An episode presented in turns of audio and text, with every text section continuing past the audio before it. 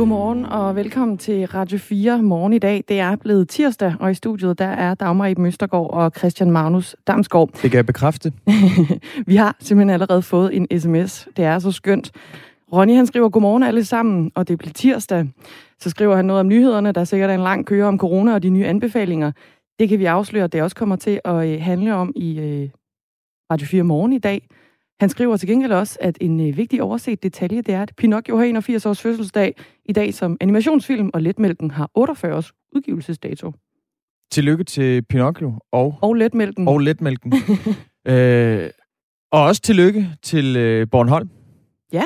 Øh, på baggrund af den øh, indstilling, som er kommet fra sundhedsmyndighederne til regeringen, så den, øh, den indstilling, den kom øh, i går eftermiddags, øh, der kan Bornholm sådan i mere eller mindre grad åbne, eller åb, det hedder jo faktisk ikke åbne op, det skal jeg også lige have fralært mig, det hedder, det hedder lukke op. Lukke op eller åbne. Præcis. Øh, De kan faktisk øh, lukke op for ganske store dele af det bornholmske, både skoleliv, alle øvrige uddannelser, de liberale serviceerhverv, og så bliver forsamlingsforbuddet altså også hævet fra, fra 5 til, til 10 personer øh, på Bornholm.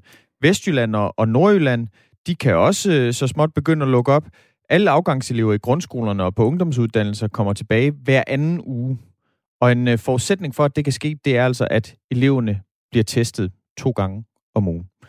Efterskolerne med, øh, med fuld fremmøde, det kommer til at ske ud fra en model med særlig smitteforebyggende foranstaltninger, altså i Vestjylland og Nordjylland.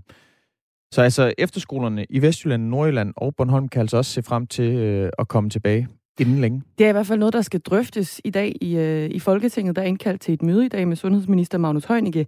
Det er 15.30, og øh, så i morgen bliver der øh, meldt nogle, øh, nogle nye anbefalinger ud, eller i hvert fald nogle lempelser af restriktionerne.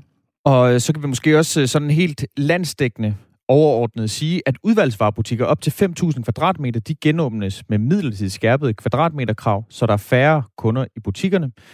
Øhm, og altså udvalgsvarebutikker, det er for eksempel forretninger, der sælger tøj, sko, bøger og møbler. Og så bliver udendørs kulturinstitutioner altså også genåbnet, dog med et krav om negativ test. Udendørs kulturinstitutioner. Og maks 20 personer, er det ikke sådan? Jo, maks 20 personer i, i det regi. Øh, udendørs kulturinstitutioner. Altså, jeg, jeg er ikke helt 100 på, hvad det rent faktisk betyder. Det lugter lidt af altså, udendørs sportsaktiviteter, for eksempel. Lugter det lidt af, at man kan få lov at se fodbold igen? Er det en... Øh, kunne det være det? Vi jeg tænker det mere, det, det lugter af, at man kan få lov til at sende sine børn til fodbold igen. Det er den slags kultur. Men øhm, vi må se, vi bliver nok øh, meget klogere de kommende dage. Øhm, der sker andre ting, end at øh, landet så småt lukker op. Nemlig også, i dag er også dagen, hvor den nye epidemilov vedtages. Øhm, det er en øh, lov, som har været omdiskuteret, øh, og den er blevet kritiseret af både øh, partier og organisationer. Der står blandt andet i den her lov, at øh, regeringen i fremtiden ikke vil kunne indføre forsamlingsforbud, nedlukning, nedlukninger eller andre ændringer uden øh, accept fra Folketinget. Så bliver der nedsat en ny national epidemikommission, som skal komme med indstillinger enten af egen drift eller på opfordring fra, øh, fra diverse ministerier. Så får regeringen også øget mulighed for brug af tvang. Øh, og så, øh, så det her, øh, der var meget debat om, altså tvangsvaccination. Øh, det forslag er blevet droppet. Ja. Vi, øh, vi kigger nærmere på Danmarks nye epidemilov. Øh, første gang, vi gør det, det er klokken øh, 25 minutter i syv med vores politiske reporter Peter Sindbæk, der udlægger teksten. Og så er der naturligvis også øh, nyt om øh, genåbningen og de her nye anbefalinger fra, øh, fra ekspertgruppen. Og så øh, skal vi også snakke om øh, Irans atomprogram. Det bliver i, øh, i den her time. Lad os sige den godmorgen. Er, vi siger godmorgen, og klokken den er lige blevet knap 10 minutter over 6.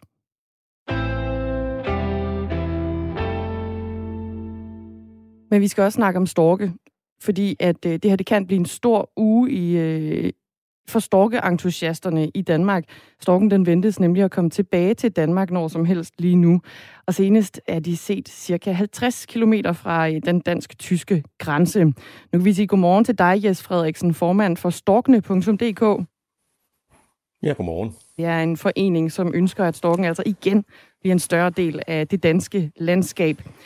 Men yes, det er jo ikke bare fordi storkene de kommer til Danmark, at en som dig er ekstra opmærksom lige nu, fordi for nogen, der klinger øh, nogle bestemte navne, nemlig Tommy og Annika, og Bonnie og Clyde, måske øh, bekendt. Det var nemlig navnene på fire storke. Det var en del af et større storkedrama, kan vi kalde det, sidste år, og som, øh, som sådan set kan fortsætte i år. Hvad er det lige, der er... Øh, vi skal lige have et kort opridset. Hvad var det, der skete sidste år? Og hvorfor er det særligt spændende, hvad der kommer til at ske i år? Jamen, der skete jo ganske enkelt det, at, at øh, Annika og Tommy, de kom jo planmæssigt der i, i marts måned øh, sidste år.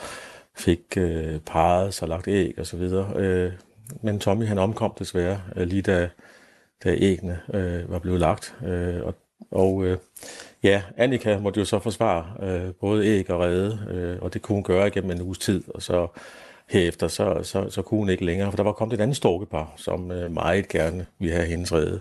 Og det, øh, det fik de så også til sidst. Og nu er de så på vej tilbage til Danmark, og hvad er det, vi forventer, der, der skal ske i år? Fordi der er lidt kamp om den her redde, og der er et kapløb i gang på vej mod den øh, danske grænse. Ja. Altså, der er i hvert fald kapløb øh, på vej mod redden der, fordi at de, øh, både Annika og selvfølgelig også øh, Bonnie og Clyde, de vil selvfølgelig meget gerne øh, nå frem til redden der først. Øh, og øh, det er jo spændende, hvad der sker. Altså, der er ingen tvivl om, at, at, øh, at der kommer drama igen i år, og, øh, og der vil blive noget, noget kamp om redden formentlig. Og, og hvor, hvorfor er det, der bliver kamp om redden? Altså, hvad, hvad er det lige, den redde, den kan? Jamen, det, det, er, det, er, jo, det er jo Annikas gamle redde. Hun har boet der siden 2012 øh, med to partnere. Øh, så, så for hende er det jo bare, det er hendes hjem. Men det vil de, de nye øh, beboere, Bonnie og Clyde, jo også sige, det er jo mit hjem, det, her, det er vores hjem. Så derfor vil de selvfølgelig også tage, gerne have den redde. Så, så hvis nu Annika kommer først, jamen så, øh, så kan det jo være, at hun finder en anden med, inden de øh, to andre, Bonnie og Clyde, kommer. Og så vil der selvfølgelig blive den der kamp om den redde. Det er ikke, fordi der er masser af redder at vælge imellem, men, men de har altså et eller andet, men de er meget trofaste mod deres redde. Så, så de, øh, de vil prøve at indtage den igen. Vi kan lige nævne, hvor storkereden den, øh, den ligger der i Smedager i Sønderjylland øh, hvor dramaet med Tommy og Annika og Bonnie og Clyde altså foregik øh, sidste år. Og sidste år, der var der øh, syv storkepar i Danmark, og i år, der har man opskaleret storkeindsatsen. Og det betyder altså, at der er lavet 50 redder klar til, øh, til storke, der, hvis de skulle få lyst øh, til at komme øh, til Danmark på ophold her, så er de altså, øh, altså klar. Men du siger, at det er ikke særlig mange redder, eller hvad? Og altså, jo, det er faktisk rigtig mange redder. Det er faktisk endnu mere. Hvis man tager landstækkende, så har vi, øh, jeg tror, vi er op imod 100 redder øh, klar, øh, inden at, øh, at storkene kommer her. Vi sætter de sidste i stand i midten af marts, øh, så, så der er faktisk øh, rigtig mange redder, og langt flere redder, end øh, der kommer storkepar, det er helt sikkert. Men, men øh, vi har virkelig gjort en indsats for at trække nogle af de mange storke, øh, overskudstorke, kan man godt sige, der kommer fra Tyskland og Holland, fra Vesteuropa i det hele taget. Øh, fordi bestanden er i fremgang der, og, og presset mod Danmark er rigtig stort. Så vi prøver på at, at se, om vi kan få nogle flere storke til at etablere sig. Og der er storken land, de går i Danmark. Øh, så øh, det kan jeg lige break lige nu her i går eftermiddag. Folk fløj den første stork over Amager og fældet. Så, øh, så storken er altså kommet til Danmark. Den første trækkende stork, vil jeg mærke. Og alle de her redder, der så er, er blevet gjort klar, altså hvordan skal storkene finde dem? Det er jo, det er jo et stort ja, område, kan man sige, til ja, i perspektiv få eller mange redder, alt efter hvordan man kigger på det. Vi, vi, vi, har, vi har faktisk opsat nogle nye redder, øh, og i stand til nye redder, der har et rigtig, en god beliggenhed, altså i forhold til en stork. Så hvad går storken efter? Den går efter, hvor der er mad at finde. Så den går øh, efter ådale, øh, efter vådområder. Og i forbindelse med dem øh, på gode steder har vi sat storkereder op og sat i stand. Så derfor er det lidt nemmere for dem at finde det. Det, det, det er de områder, de søger efter. Og hvis der så er samtidig en rede, og der er to storke, så er der jo et par. Så, så det er ligesom det, vi, øh, det, vi satser på, hvad der sker. Beliggenhed, beliggenhed, beliggenhed. Nemlig. nu øh, er de så i gang med at øh, flyve op mod Danmark, må vi forvente her, Annika og Bonnie og Clyde. Og så er der sådan set kommet en til, som du lige fik, øh, fik fortalt her, før, som fløj over Amager fældet i går. Det her kapløb, der er i gang mellem Annika og Bonnie og Clyde, for at komme til den her super attraktive rede, de ligesom kalder hjem. Øh, hvis du nu skulle bestemme, hvordan vil du så gerne se dramaet udspille sig i Sønderjylland? Hvem skal komme først? Jamen, jeg vil, jeg vil jo sådan set gerne have, at, at, øh, at altså Bonnie og Clyde øh, var jo egentlig optimalt. De kom først og fik øh, etableret sig, så vi Annie kan komme og prøve at tage redden. Hun vil så blive sendt væk, og så kan hun jo tage en af, af de mange andre gode boliger, der er. De rigtig, rigtig, rigtig gode boliger, som, som står klar. Og, og, og så finde sig en med der i nærområdet. Det er selvfølgelig øh, håbet. Altså ikke for meget ballade, ikke? Fordi i virkeligheden kan sådan nogle slåskampe der mellem storke, de kan jo være, altså de kan være dødelige. Altså det, det ser man ofte, at, at storke, de, de simpelthen øh, nærmest hakker hinanden ihjel. Det ser drabeligt ud, og det er også drabeligt. Så vi håber, at selvfølgelig kommer der drama, men at det ikke bliver så stort som, som, som sidste år. Jes Frederiksen, tusind tak, fordi du var med her til morgen om storkedramaet. Velbekomme. Altså formanden for Storkene.dk, som er en forening, der ønsker, at storken igen bliver en større del af det danske landskab. 16 minutter over 6.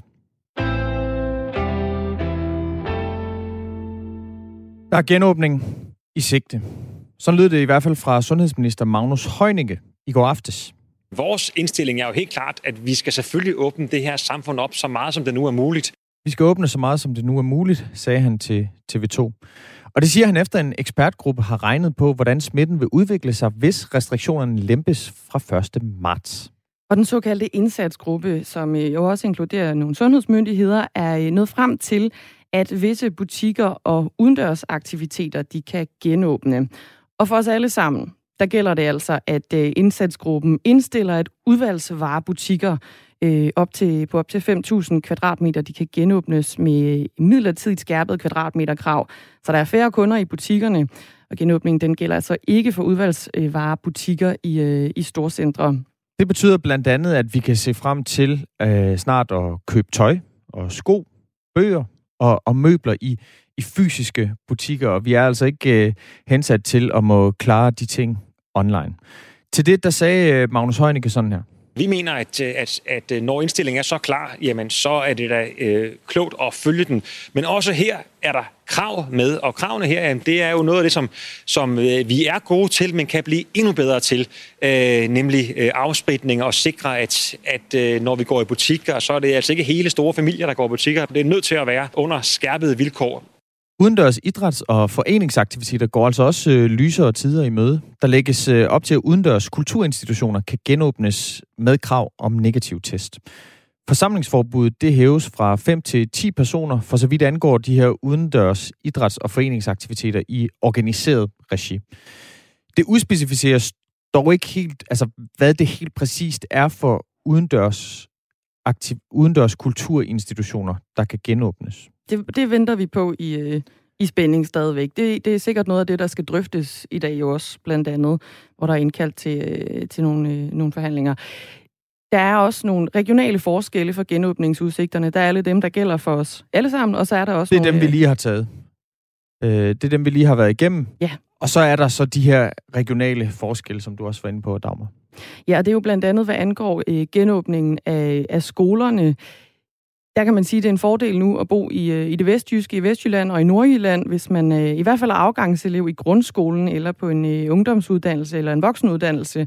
Fordi der lyder indstillingen altså fra indsatsgruppen nemlig, at øh, de må komme tilbage hver anden uge. Og det er det, der sagde Magnus Heunicke i går aftes til TV2 øh, indstillingen fra eksperterne, det er, at vi er nødt til at tage uddannelsesområdet øh, i nogle etapper, geografisk øh, fordelt, hvor man starter de steder, hvor smitten er lavest, og hvor man også, og det er jeg nødt til at være ærlig at sige, skal være hurtigt til at lukke ned igen, hvis smitten pludselig begynder at stige. Men hvis det så går, øh, som, som vi håber, jamen, så kan man gradvist tage de næste øh, landsdele, alt efter, hvordan det går øh, med smitten i, i, i de kommende uger. Ja, og øh, den her genåbning, øh, det er altså forudsat, at der foretages test to gange om, øh, om ugen, som øh, Magnus Heunicke forklarer her der er det jo øh, et, fuldt af et stort krav, nemlig et krav om, at de unge mennesker så også skal lade sig teste to gange om ugen, og altså fremvise en negativ test, når de møder ind i, i skolen. Og det er simpelthen et krav for, at det her vil kunne lade sig gøre fra øh, myndighedernes side. Og det mener jeg, der er et, er et klogt krav, så det vil vi drøfte med Folketingets øh, partier. Sagde altså sundhedsminister Magnus Heunicke, som i den forbindelse også nævnte, at det her det skal altså drøftes med Folketingets partier. Og det, det sker, øh, som du også nævnte, øh, Dagmar, i dag. I netop Vestjylland og Nordjylland, der genåbner efterskolerne også med fuld fremmøde, ud fra en model med særlige smitteforebyggende foranstaltninger, som er udfærdiget af Sundhedsstyrelsen. Og det skal gøres forsvarligt, lyder det fra Magnus Heunicke. Og jeg ved godt, at det er træls for dem, der ikke lige går på, går på skole der, men vi er nødt til at gøre det øh, forsvarligt for at sikre os, i, øh, at den her virus ikke går ud af, ud af kontrol, især i en situation, hvor vi har den britiske mutation, som nu har øh, overtaget. Ja, hvis smittesituationen den også egner sig i andre landsdele, øh, altså ud over Vestjylland og Nordjylland, så vil øh, man også kunne foretage den samme genåbning efter, efter 14 dage. Det hedder den 15. marts sagtigt. Øh, så vil man altså kunne foretage en genåbning for de sidste landsdele, og det forventes at kunne ske efter øh, påskeferien også, hvis smitteudviklingen på det tidspunkt skønnes tilfredsstillende. Og så vidt, nu har vi været igennem altså, de landsdækkende øh, restriktioner, som så småt bliver ophævet. Øhm, så har vi været igennem, øh, hvilke, hvilke regler, der gælder for Vestjylland og Nordjylland. Og så er der jo Bornholm. Ja. Hvis man vil, altså så tæt på livet, som vi kender det før corona. Så er det til Bornholm. Så er det på Bornholm, man skal bo. Her der indstiller den her indsatsgruppe, øh, som blandt andet består af, af sundhedsmyndighederne, de indstiller blandt andet, at øh, grundskoler og klubtilbud genåbnes. Alle andre uddannelser ud over grundskole, altså øh, gymnasier, voksenuddannelser, videregående uddannelser, højskoler, bliver genåbnet. De liberale serviceerhverv genåbnes med krav om mundbind. Forsamlingsforbuddet hæves fra 5 til 10 personer. Så altså, hvis man har øh, booket et sommerhus på Bornholm i påskeferien, så er der ganske rig mulighed for at kunne, øh, kunne komme ret tæt på livet, som vi kender det før 11. marts. Der er naturligvis også øh, stadigvæk, det er ikke helt tilbage til, til normalen. Øh, for det gælder altså blandt andet stadig for Bornholmerne, at øh, det anbefales, at man bliver testet en gang om ugen på Bornholm. Øh, der er en anbefaling om to ugenlige test af lærere og elever og studerende på ungdoms- og, og voksenuddannelser. Og så er der krav om fremvisning af negativ test for at kunne øh, rejse til og fra Bornholm via færge eller, eller via fly. Og det her, det er altså anbefalinger fra eksperterne, som i dag afleverede. De har lavet sådan nogle matematiske beregninger på, hvad det vil betyde for smittetal og indlæggelsestal, hvis de her forskellige sektorer åbnes. Om noget bliver åbnet, og hvad der bliver åbnet for, det bliver vi klogere på i dag. Ja, det gør vi. Vi har lige fået en sms, hvor vi lige kan øh, opklare, der er en, der spørger, er det alle udvalgsbutikker i hele landet, bortset fra centre? Her gætter jeg på, at der bliver min, øh, min store centre.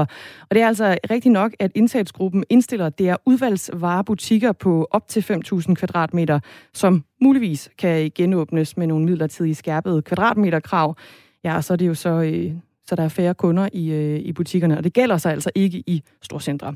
Du kan naturligvis også øh, skrive sms'er herind, hvis du har nogle opklarende spørgsmål, hvis du har spørgsmål til nogle af dem, vi snakker med, så kan du skrive en sms ind, det gør du på 1424, du starter med R4, et mellemrum, og så din besked. FN og Iran skruer ned for atomsamarbejdet. Det meddelte chefen for FN's atomenergiagentur, Rafael Grossi, efter han søndag aften vendte hjem fra forhandlinger i Iran, hvor han mødtes med iranske ledere og chefen for Irans atomenergiorganisation.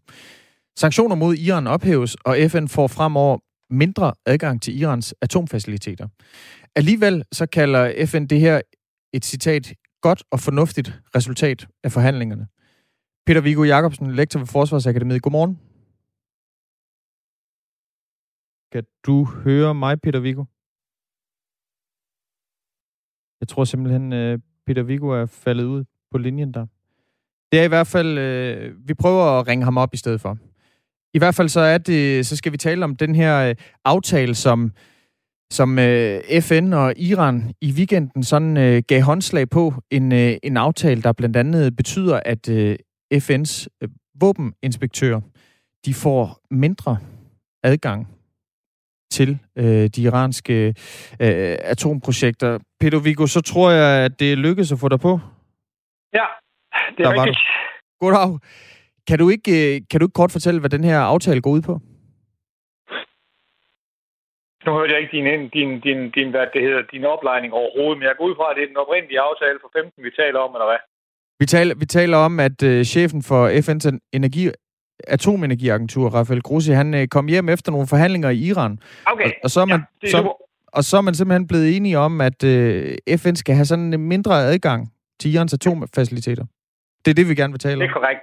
Ja, det er super fint. Jeg var bare lige, jeg var ikke helt sikker på, og jeg har slet ikke hørt, hvad du sagde først. Men ja, det er korrekt. Øh, der, sker, der, der er jo sket det, at iranerne i sidste uge meldte ud, at de ville begrænse øh, FN-inspektørernes adgang til deres atomanlæg. Og så tog øh, repræsentant, FN's repræsentant til Iran her øh, øh, den anden dag, og nu fik man så lavet et kompromis, hvor iranerne i tre, tre måneder frem stadigvæk vil give, give hvad det hedder, FN mere begrænset adgang til til deres atomanlæg. Og det er jo et forsøg på at lægge pres på USA for at få USA til at øh, indlede nogle forhandlinger, så man øh, kan få øh, liv i den aftale, som Trump han, øh, at det hedder, rev fra hinanden, da han var præsident. Men er det her et øh, godt resultat for øh, vestens sikkerhed? Jamen altså, det her det er lige meget. Det er, det er, hvad det hedder, det er, hvad det hedder opvarmning til de rigtige forhandlinger. Det, der er sket siden, at Biden er blevet præsident, det er, at iranerne stille og roligt har skruet op på kogepladen for at lægge pres på øh, USA for at komme tilbage til forhandlingsbordet. Iranerne har jo været øh, meget presset af de hårde økonomiske sanktioner, som Trump har, har pålagt Iran, og derfor prøver man nu at øh, få amerikanerne tilbage til forhandlingsbordet og øh, få, hvad det hedder, genoplevet den gamle aftale. Så FN trækker sig sådan lidt tilbage for at få amerikanerne på banen? Nej, FN gør jo ikke noget. FN er blevet presset ud. Altså hvis Iran siger til FN, på vel, vi gider ikke se jer mere, så har FN jo ikke noget at handle med. Det er jo ikke sådan, at FN kan indføre sanktioner alene eller angribe, hvad det hedder, øh, Iran. De er afhængige af øh, de andre permanente medlemmer af Sikkerhedsrådet. Så, så det her, det er et, et, et, et hvad det hedder, en, en det, det er optakten til en direkte bilateral forhandling imellem USA og Iran. Øh, EU kommer med på sidelinjen ligesom sidste gang, men det her handler om, at USA og Iran skal prøve at forhandle en ny aftale på plads. Og Biden har jo også lavet nogle lyde, der, der, der går i retning af, at han også gerne vil forhandle. Han sagde i sidste uge, at han øh, ville snakke med øh, EU om igen at få liv i de her forhandlinger. Så begge parter prøver sådan lidt at, at nærme sig forhandlingsbordet, men de vil have den anden til at tage den, det første skridt og lave den første indrømmelse. Så det her det er altså led i et forhandlingsspil, der fører frem til en forhandling imellem Iran og USA. Og derfor så er den aftale, vi, der blev indgået i går, egentlig ret ligegyldig, fordi det er sådan set opvarmning til det, det handler om.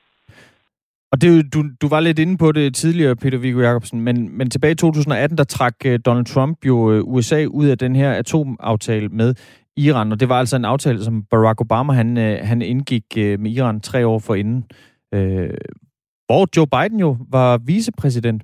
Altså, kan man tænke sig, at Joe Biden i kraft af, han ligesom var ved Barack Obamas side øh, og Hillary Clintons side, dengang øh, den oprindelige aftale blev indgået, at øh, mm-hmm en kommende aftale måske kommer til meget at ligne den, der var, før Donald Trump trak øh, USA ud? Det er ikke umuligt, men jeg synes, det er lidt svært præcis at spå om, fordi øh, både Saudi-Arabien, men også Israel er meget imod den øh, gamle aftale. Og det er de, fordi at den reelt betyder, at Iran efter en karensperiode på 10 år øh, igen må begynde at berige uran. Og det betyder, at Iran øh, efter et stykke tid kan komme øh, i en situation, hvor det kun er nogle måneder for at have en bombe. Så det er jo bare, man egentlig gav iranerne lov til. Det var at lave et, et, by, et, et byggesæt til en atombombe, som man så kunne have nede i kælderen, og så kunne man samle den med meget kort varsel. Og det er især Israel meget bekymret omkring. Øh, og Biden har været ude at sige, at han ikke vil tillade Iran at få atomvåben, og det fik de nærmest de facto med den gamle aftale. Og han er altså under pres fra sine høje hjemme i USA til at indgå en bedre aftale. Problemet er, at det er øh, iranerne også. Så begge parter har været lidt uldne omkring, hvad det er, de egentlig kan acceptere.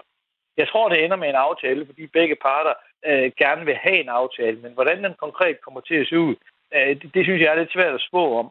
Også fordi, at USA gerne også vil lave aftaler omkring iranernes missilprogrammer og nogle andre ting i, Amerika- i iransk udenrigspolitik, som USA er imod. Og det har iranerne selvfølgelig pure afvist, for de vil selvfølgelig ikke have en ringere aftale end sidst. Øh, men spørgsmålet er, om den gamle aftale er godt nok for USA nu. Peter Viggo Jacobsen, tak fordi du var med. Det var så lidt. Lektor ved Forsvarsakademiet. Om der bliver landet en aftale mellem, øh, mellem USA og, og Iran, det bliver vi altså klogere på øh, den, øh, den kommende tid. Det gør vi. Og vi bliver også øh, klogere på øh, epidemiloven lige her på den anden side af øh, nogle nyheder med Anders Weber.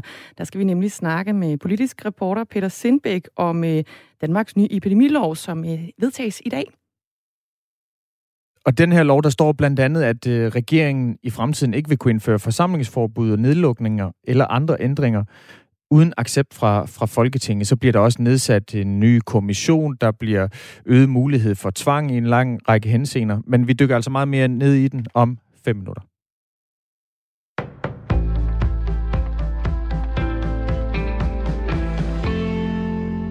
En stor del af landets butikker kan genåbne i de kommende uger, det siger sundhedsminister Magnus Heunicke, efter en ekspertgruppe har færdiggjort beregninger af, hvordan smitten vil udvikle sig, hvis restriktioner lempes. Når det drejer sig om butikker, som i andre sektorer, som der er beregnet på, altså detail og, og handels, øh, en stor del af, ikke alle butikker, men en stor del af dem, så er der faktisk også godt nyt fra, fra, øh, fra myndigheder øh, og ekspertgruppe, at der vurderer man også, at, at man kan, øh, kan lave en, en, en, en landstækkende åbning af det i de kommende uger siger Heunicke til TV2. Han siger også, at udendørs kulturaktiviteter kan genåbne, hvis gæster kan fremvise en negativ coronatest. I går meddelte regeringen, at der vil komme en gradvis genåbning, når de nuværende restriktioner udløber på søndag, og dele af genåbningen vil være regional, da det er forskelligt, hvor smitten er mest udbredt. For eksempel er der forløbigt lagt op til, at det kun er i Nordjylland, Vestjylland og på Bornholm, at grundskolens afgangselever kan komme tilbage i skole. Efterskoler, ungdoms- og voksens, voksenuddannelser i disse områder vil også kunne genåbne, viser beregningerne fra ekspertgruppen. I dag skal regeringen have drøftelser med Folketingets partier om genåbningen, og i morgen vil regeringen så fortælle om genåbningsplanerne. Regeringen lever med den nuværende klimapolitiske kurs hverken op til klimaloven eller Danmarks internationale klimaforpligtelser. Sådan lyder det i et nyt notat fra 14 danske NGO'er, der har grænsket Danmarks klimaindsats. Det skriver Dagbladet Information. NGO'erne mener ikke, at Danmark med de indgåede klimaaftaler ser ud til at leve op til den lovfæstede mål om 70% CO2-reduktion i 2030. En af organisationerne bag er Greenpeace, som mener, at regeringen i alt for høj grad satser på højst usikre teknologiske løsninger frem for konkrete CO2-reduktioner her og nu. Regeringen leverer langt fra det nødvendige for at leve op til klimaloven, siger klimapolitisk leder Helene Hagel til Information. Maria Rømert Gerding, der er præsident i Danmarks Naturfredningsforening, tilføjer, at den nuværende klimapolitik hverken er i overensstemmelse med de mål, vi har sat os i Danmark eller internationalt. I to årtier er det gået den forkerte vej i Danmark i forhold til at bryde den sociale arv, det viser nye tal ifølge Berlinske. Modsat tidligere følger børn i højere grad i forældrenes fodspor, når det gælder uddannelse. Og trods gratis uddannelse og et SU-system og masser af tiltag for at få alle med, så er Danmark ikke bedre til at skabe større social mobilitet gennem uddannelse end USA er. Sådan lyder den overraskende konklusion i et nyt studie, som forskerne Christian Bernd Carlsson og Rasmus Landersø fra henholdsvis Københavns Universitet og Rockwool Fondens forskningsenhed står bag. Og studiet sætter spørgsmålstegn ved den danske selvforståelse af vores uddannelsessystem, siger de, der er en stor fortælling om det danske uddannelsessystem, som også bliver portrætteret vidt og bredt i andre lande, men det er bygget op omkring, hvordan vi klarede os for 10, 20, 30 år siden, øh, hvor vi i høj grad brød den sociale arv, siger Rasmus Landersø til Berlingske. Små børns andel af de smittede er mere end fordoblet siden begyndelsen af december. Det viser en opgørelse, som politikken har foretaget på baggrund af data fra Statens Serum Institut. I begyndelsen af december var hver 17. smittet mellem 0 og 9 år gammel. I sidste uge var det vokset til hver syvende, og stigningen er ved at mærke sket uden at de små børn bliver testet relativt hyppigere end de voksne. Gråt og skyde i dag, og der kan en overgang komme lidt regn, men vi får også glimt af solen. Mellem 7 og 12 grader og svag til jævn vind. Det var nyhederne med Anders Weber. Nu er Dagmar Iben Østergaard og Christian Magnus klar med mere Radio 4 morgen. Der er en lytter, der har skrevet ind. 1424. Starter sin besked med R4. Hvad så med Fanø og Læsø? Der er der heller ingen smittet. Det drejer sig jo helt sikkert om øh, alle de her anbefalinger, der er kommet til genåbningen. Forestiller jeg mig i hvert fald. Ikke? Dem snakkede vi om øh, tidligere her på morgenen. Og øh, der kan vi melde, at Læsø er med. Læsø er med i den her øh, særlige gruppe, kan man sige, som får nogle muligheder i hvert fald, hvor anbefalingerne siger, at der kan man godt åbne op for, for blandt, andet, øh, blandt andet skoler. Men, øh, men Fanø er altså ikke med. Der er, 19, der er 19 kommuner i alt, der er en del af det her, som, som altså kan få nogle, nogle særlige øh, genåbningsforhold, ifølge anbefalingerne i hvert fald fra, øh, fra en ekspertgruppe. Læsø er med, Fanø er desværre ikke. Og det var også det, der lidt øh, forvirrede mig til at starte med, altså når vi taler om, øh, fordi vi har jo talt meget om regionale genåbninger. Ja. Men der skal man ikke tænke for meget over regionernes geografiske placering, fordi der er jo for eksempel også Holstebro, som er en del af Region Midtjylland, men som altså geografisk ligger i Vestjylland, og altså derfor er, er omfattet af den her delvise genåbning. Ja. Så øh, hermed opklaret? Hermed opklaret, og alle er selvfølgelig velkommen til at øh, smide beskeder afsted herinde. SMS'en den er øh, åben. Du skriver til 1424, så skriver du R4, et mellemrum, og så din øh, besked.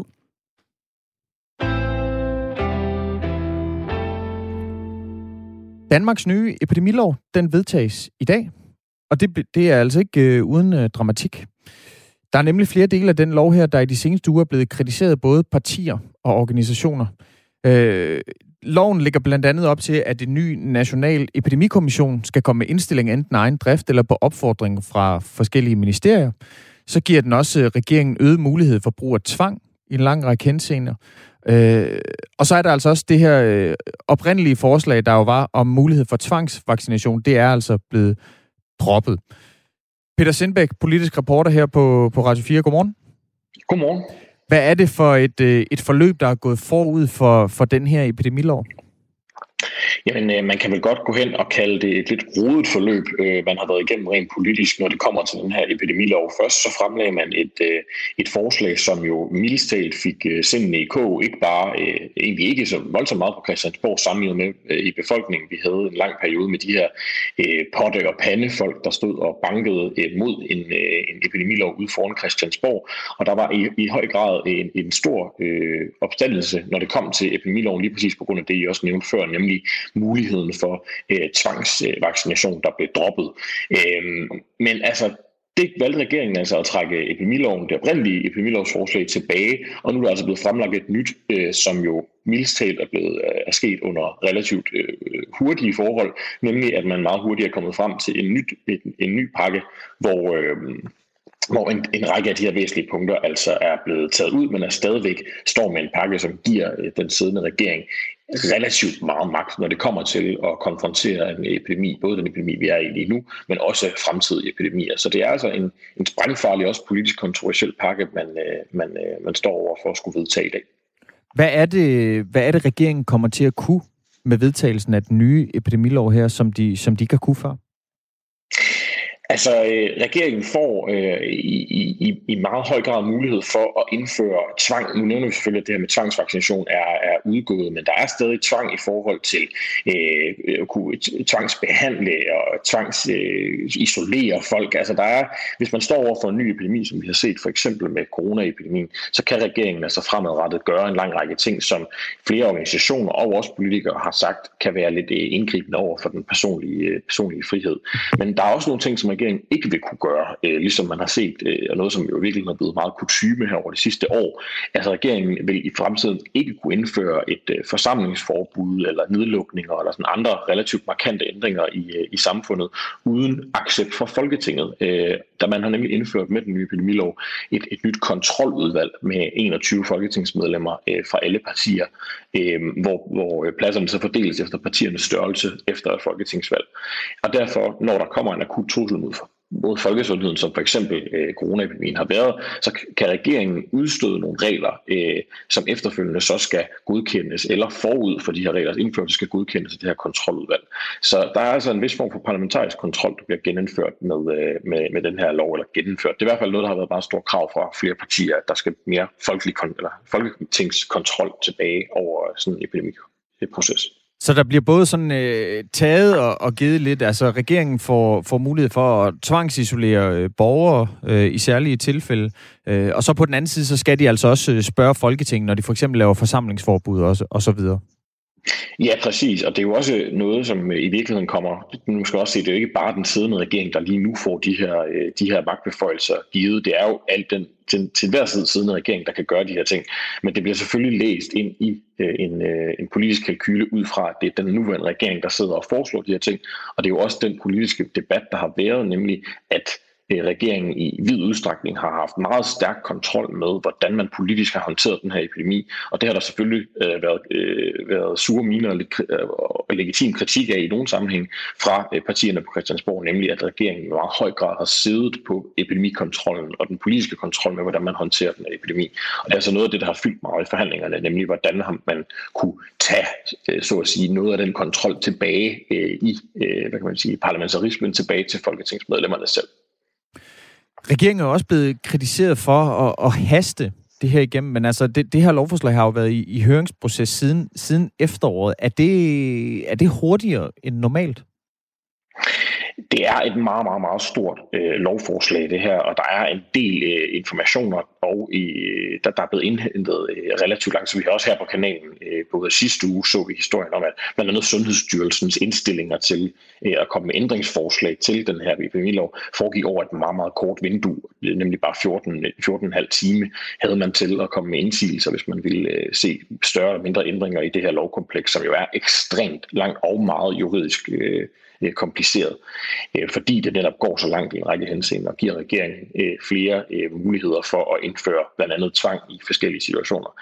Så der er i hvert fald flere politikere, der mener, at den her proces har været, øh, har været øh, lidt forhastet, og det har jo så også gør, resulteret i, at øh, på baggrund af en række medieartikler øh, og store forsider om præcis, hvad effekten af nogle af de her øh, dele af nye epidemilov kan føre til, at man jo simpelthen har fået et øh, ændringsforslag i sidste øh, i 11. time fra øh, Venstre og konservativ, der har foreslået, at man simpelthen allerede om et halvt år sender den her lov til revision, altså tilbage til oktober måned, at man vil gennemgå den for måske at se, om man kan ændre nogle af de her ting. Og det er der altså flertal for allerede, inden man vedtager det i dag. Så det, her, det er altså et faktum, at man allerede om et halvt år skal revidere loven. Og det er altså relativt usædvanligt, når man ser på så stort et, et lovkompleks, som vi har at gøre med her.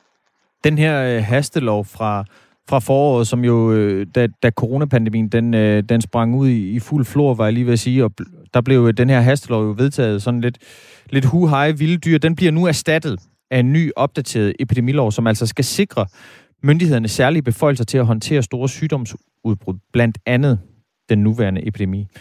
Den nye lov den står til at udvide statens muligheder for at kræve oplysninger om borgeres færden, men så styrker den samtidig også Folketingets muligheder for at se regeringen og myndighederne efter i sømne.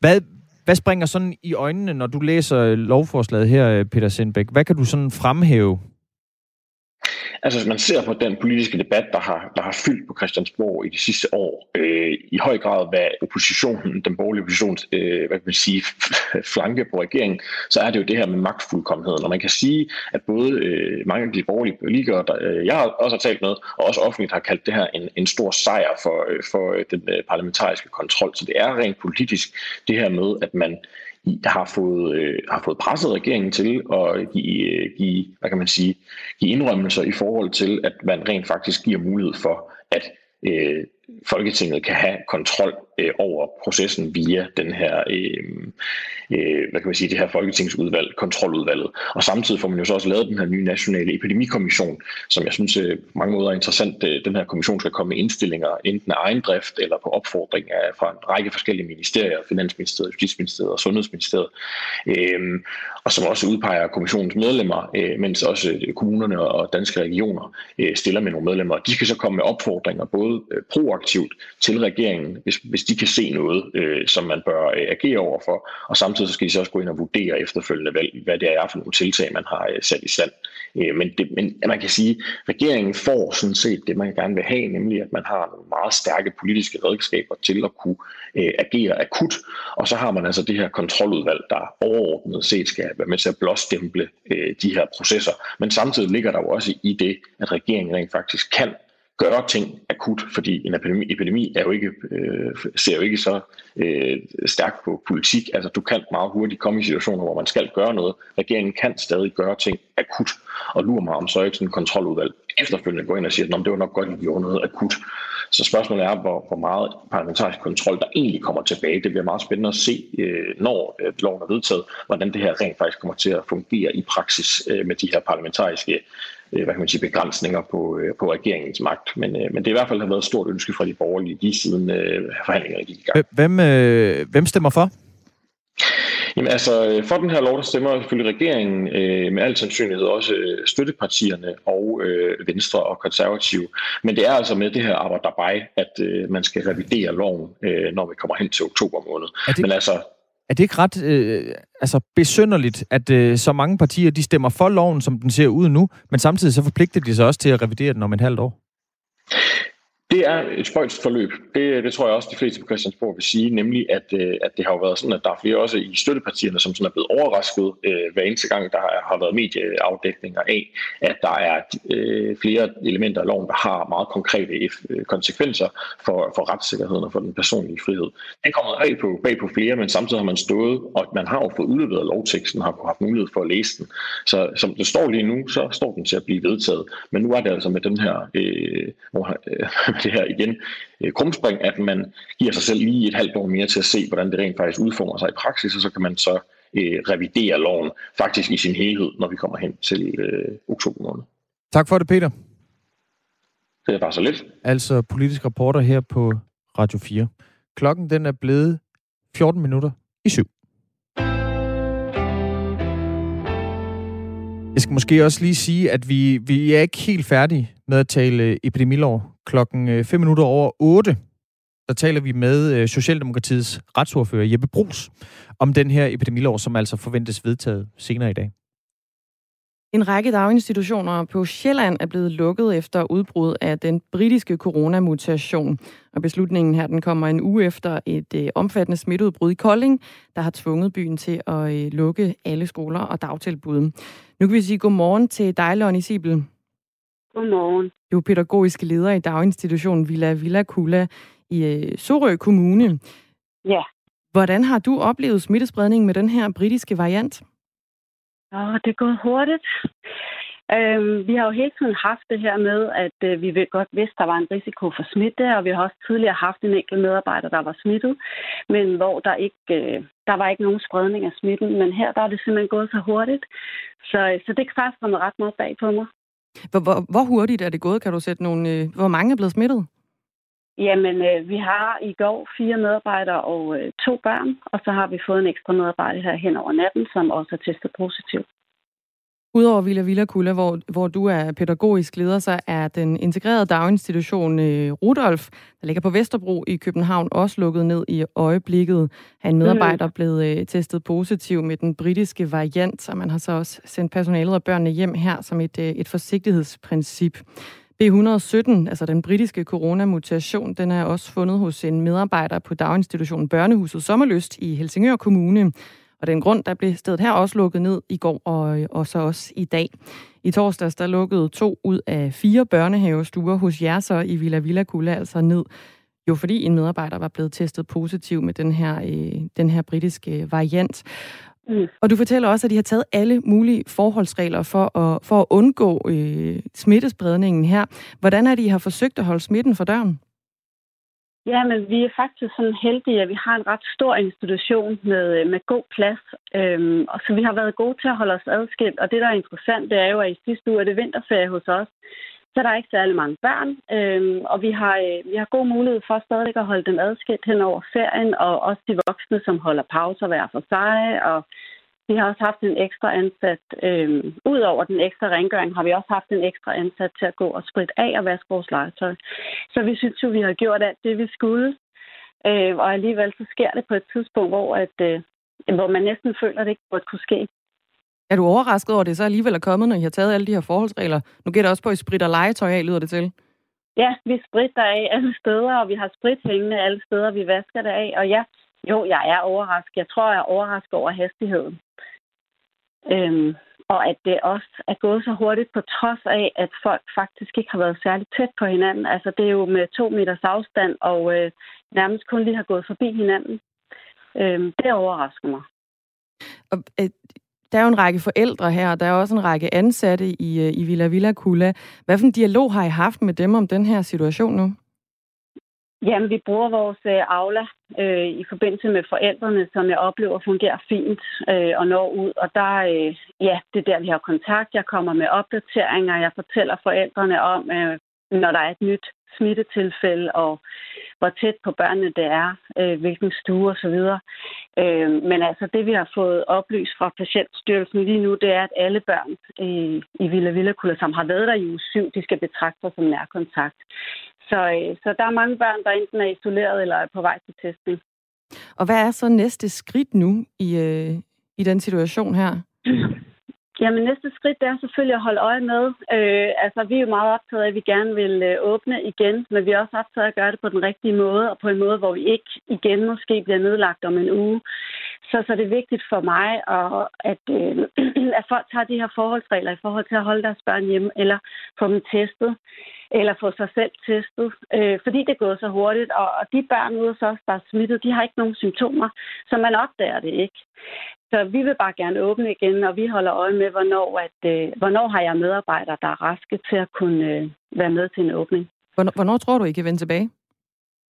Altså, jeg håber, vi kan åbne lidt op i næste uge, men det kan godt være, at øh, det ikke bliver hele institutionen, der åbner på en gang. Øh, men det er noget, jeg er i dialog med, øh, med mine chefer om, at hvordan vi gør sådan en genåbning. Vi ønsker i hvert fald god bedring til alle, der er ramt, og held og lykke med at komme tilbage hurtigst muligt. Lonnie Sibel, tusind tak. Tak skal du have. Pædagogisk leder i daginstitutionen Villa Villa Kula i Sorø Kommune, der altså lige nu er lukket ned på grund af smitte med den britiske coronavariant. Og der er en lytter, der har skrevet ind på 1424, startet sin besked med R4. Jeg er utrolig glad for, at jeg ikke bor i en kommune, der åbner. B117 er ikke en leg. Hvorfor risikere noget så tæt på vacciner? Hilsen Larsen.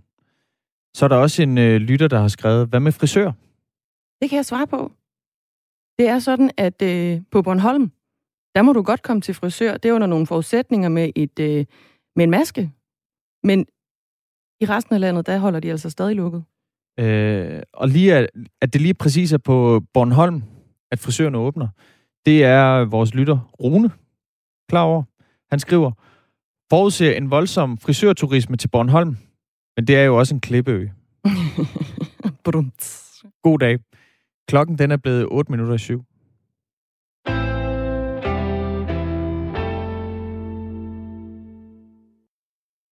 I to årtier, der er det gået den forkerte vej i øh, Danmark i forhold til at bryde den sociale arv. Det viser et øh, nyt studie, som øh, du blandt andet står bag, Rasmus Landersø. Godmorgen. Godmorgen. Du er forskningsleder ved Rockwool-fonden. Hvordan kan, vi, kan I se, at, øh, at vi er blevet dårlige til, dårligere til at bryde den sociale arv? Jamen, det vi har set på i undersøgelsen, det er, at vi har fuldt årgange født gennem næsten hele det 20. århundrede, altså fra 1910 til omkring 1990, og fulgt den sociale arv i uddannelse her. Og vi har kunnet se simpelthen, at over de sidste 20-30 år er det gået, gået den forkerte vej, så at sige. Det vil sige, at den sociale arv i uddannelse er steget meget markant. Og det er den gjort i takt med, at flere og flere flere øh, tager lange øh, og videregående uddannelser, øh, fordi det simpelthen er, er børn og unge, primært for, for ressourcestærke hjem, der, øh, der formår at tage øh, de her uddannelser. Så det vil altså sige, at især børn fra stærke og ressource, altså ressourcestærke hjem, de i højere grad tager lange videregående uddannelser, fordi mor og far også gjorde det? Ja, altså, og det vi kan så også kan se, når vi sammenholder det med udviklingen i løbet af hele århundredet, det er, at, øh, at øh, vi kom sådan set fra, øh, fra et niveau, hvor der var rigtig høj øh, uddannelsesmobilitet, det vil sige, hvor den sociale uddannelse var, var lav. Øhm, for de årgange, der var født midt i århundredet, der blev uddannelsen løftet primært i bunden. Altså, hvor vi kom fra et mange havde syv års uddannelse til at få ni års uddannelse eller en ungdomsuddannelse. Og der var det primært børn for ressourcesvage hjem og fra, hvad kan man sige, ikke bolige hjem, der blev løftet her. Men i takt med, at øh, uddannelsesløftet så er flyttet fra bunden til toppen, altså til videregående uddannelser, er den sociale arv i uddannelse simpelthen også gør det samme. Og den er bare steget markant over de sidste 20 år. Vi taler altså med Rasmus Landersø, som er forskningsleder ved Rockwool-fonden, øh, på historien om, at det i, i to årtier er gået den forkerte vej i Danmark i forhold til at bryde den sociale arv. Det er en historie, der er i Berlingske i dag. Rasmus Landersø, var det her et, øh, et overraskende resultat? Altså, vi kan jo se, at øh, Danmark bliver, bliver mere og mere... Øh, altså, også, altså, Danmark er jo et forholdsvis lige samfund, hvor der er lige muligheder for mennesker. Er det, er det overraskende, at vi, at vi i to årtier er blevet dårligere til at bryde den sociale arv? Jeg ved ikke, om det er overraskende, men det siger jo i hvert fald noget om, om hvad Altså nu siger du lige muligheder. Hvad, hvad det så i virkeligheden er. Øhm, fordi du har jo ret i, at, at i forhold til eksempelvis, hvem der kan komme ind på en lang uddannelse, så er det jo ikke forældrenes pengepunkt i sig selv, det afhænger af. Men der er selvfølgelig nogle bagvedliggende færdigheder, nogle bagvedliggende muligheder og udvikling, der ligger til grund for det. Og der kan vi jo så se, at der har vi jo ikke fået løftet meget i løbet af, i løbet af den her periode. Det vil sige, at så kan det jo godt være, at vi kalder det lige muligheder, men det er mere en formel øh, lige mulighed, end det i virkeligheden er noget, der er i realiteten. Og det stiller jo nogle spørgsmål i forhold til, jamen øh, hvis vi vidderligt gerne vil give alle lige muligheder, hvor er det så, vi skal sætte ind? Fordi lige nu, der kan man sige, der sætter vi jo høj grad ind i forhold til uddannelsesvalg og uddannelsesmuligheder senere i livet, når vi altså for eksempel bliver 18 år eller 20 år. Øh, men hvis forskellen allerede er, øh, allerede er til stede der, så, øh, så kan det jo være, at vi i virkeligheden ikke formår at give alle lige muligheder. Og det er jo det, vores, øh, vores resultater tyder på. Men man kan sige, sådan fra politisk hold, der er der jo øh, forme, altså på de formelle muligheder, det er jo noget, man kan skrue på politisk, men de her uformelle muligheder, som du taler om, det er jo nogen, der kan være lidt svære at skrue på. Hvad er det helt konkret, der skal gøres så? Jamen, og det, der rammer du virkelig øh, kernen i det, fordi at, at når der er forskel på, øh, på børns øh, og unges muligheder, så handler det jo i høj grad også om, hvad der sker hjemme, og hvad man får med hjemmefra. Øh, og hvad man vil gøre ved, og hvad man kan gøre ved det, det er jo, det er jo langt, hen ad, langt hen ad vejen et politisk spørgsmål. Men altså, vi kan jo se, eksempelvis hvis vi ser på, hvordan unge mænd klarer sig til session i, i forhold til de test, der er der, øh, eller sådan en IQ-test, at der er sammenhæng mellem forældres baggrund. Hvis vi ser på dem, der var født i 1958, altså øh, man sige, for mange år siden, og så for dem, der er født i 1988, den er præcis den samme. Så vi må bare konstatere, at, øh, at den udvikling, der er sket i samfundet, det har ikke rigtig gjort noget ved det, det, det aspekt. Øhm, og hvordan man så vil sætte ind tidligere, det, det, må, du, det må du nok spørge nogle politikere om øh, i stedet for. Nu nævnede du selv øh, her øh, unge mænd. Er det særligt unge mænd, der har, har svært ved at bryde den sociale arv? Nej, altså vi ser det sådan set på begge køn. Øh, det, det gør vi. Men nu, nu i forhold til, til det her med unge mænd, det er jo fordi, at det, det er jo så primært mænd, der kommer til session, hvor vi så kan, kan se de her, de her test. Øh, mm.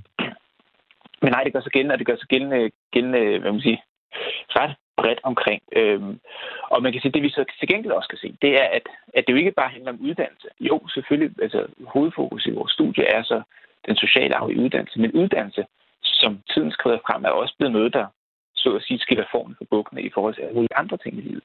Hvem der har et job, hvem der får en høj indkomst, hvem der har et godt helbred, hvem der stifter familie, hvem der kommer ud af ungdomskriminalitet, hvem der ikke gør. Og det vil sige, når den sociale arv i uddannelse stiger, og stiger markant, som vi kan se, så er det faktisk den sociale arv mere generelt. Og afhængigheden af forældres baggrund, bredt og vidt i livet, øh, der kommer til at stige. Hvordan tæller det i, i den her undersøgelse, at, at flere og flere jo får en, en høj uddannelse, og hvis så deres børn tager en kort videregående uddannelse, hvordan tæller det i den undersøgelse her? Jamen det er rigtigt, når vi snakker om, om mobilitet eller social arv, så, så er der jo også mønsterbryder den anden vej. Præcis.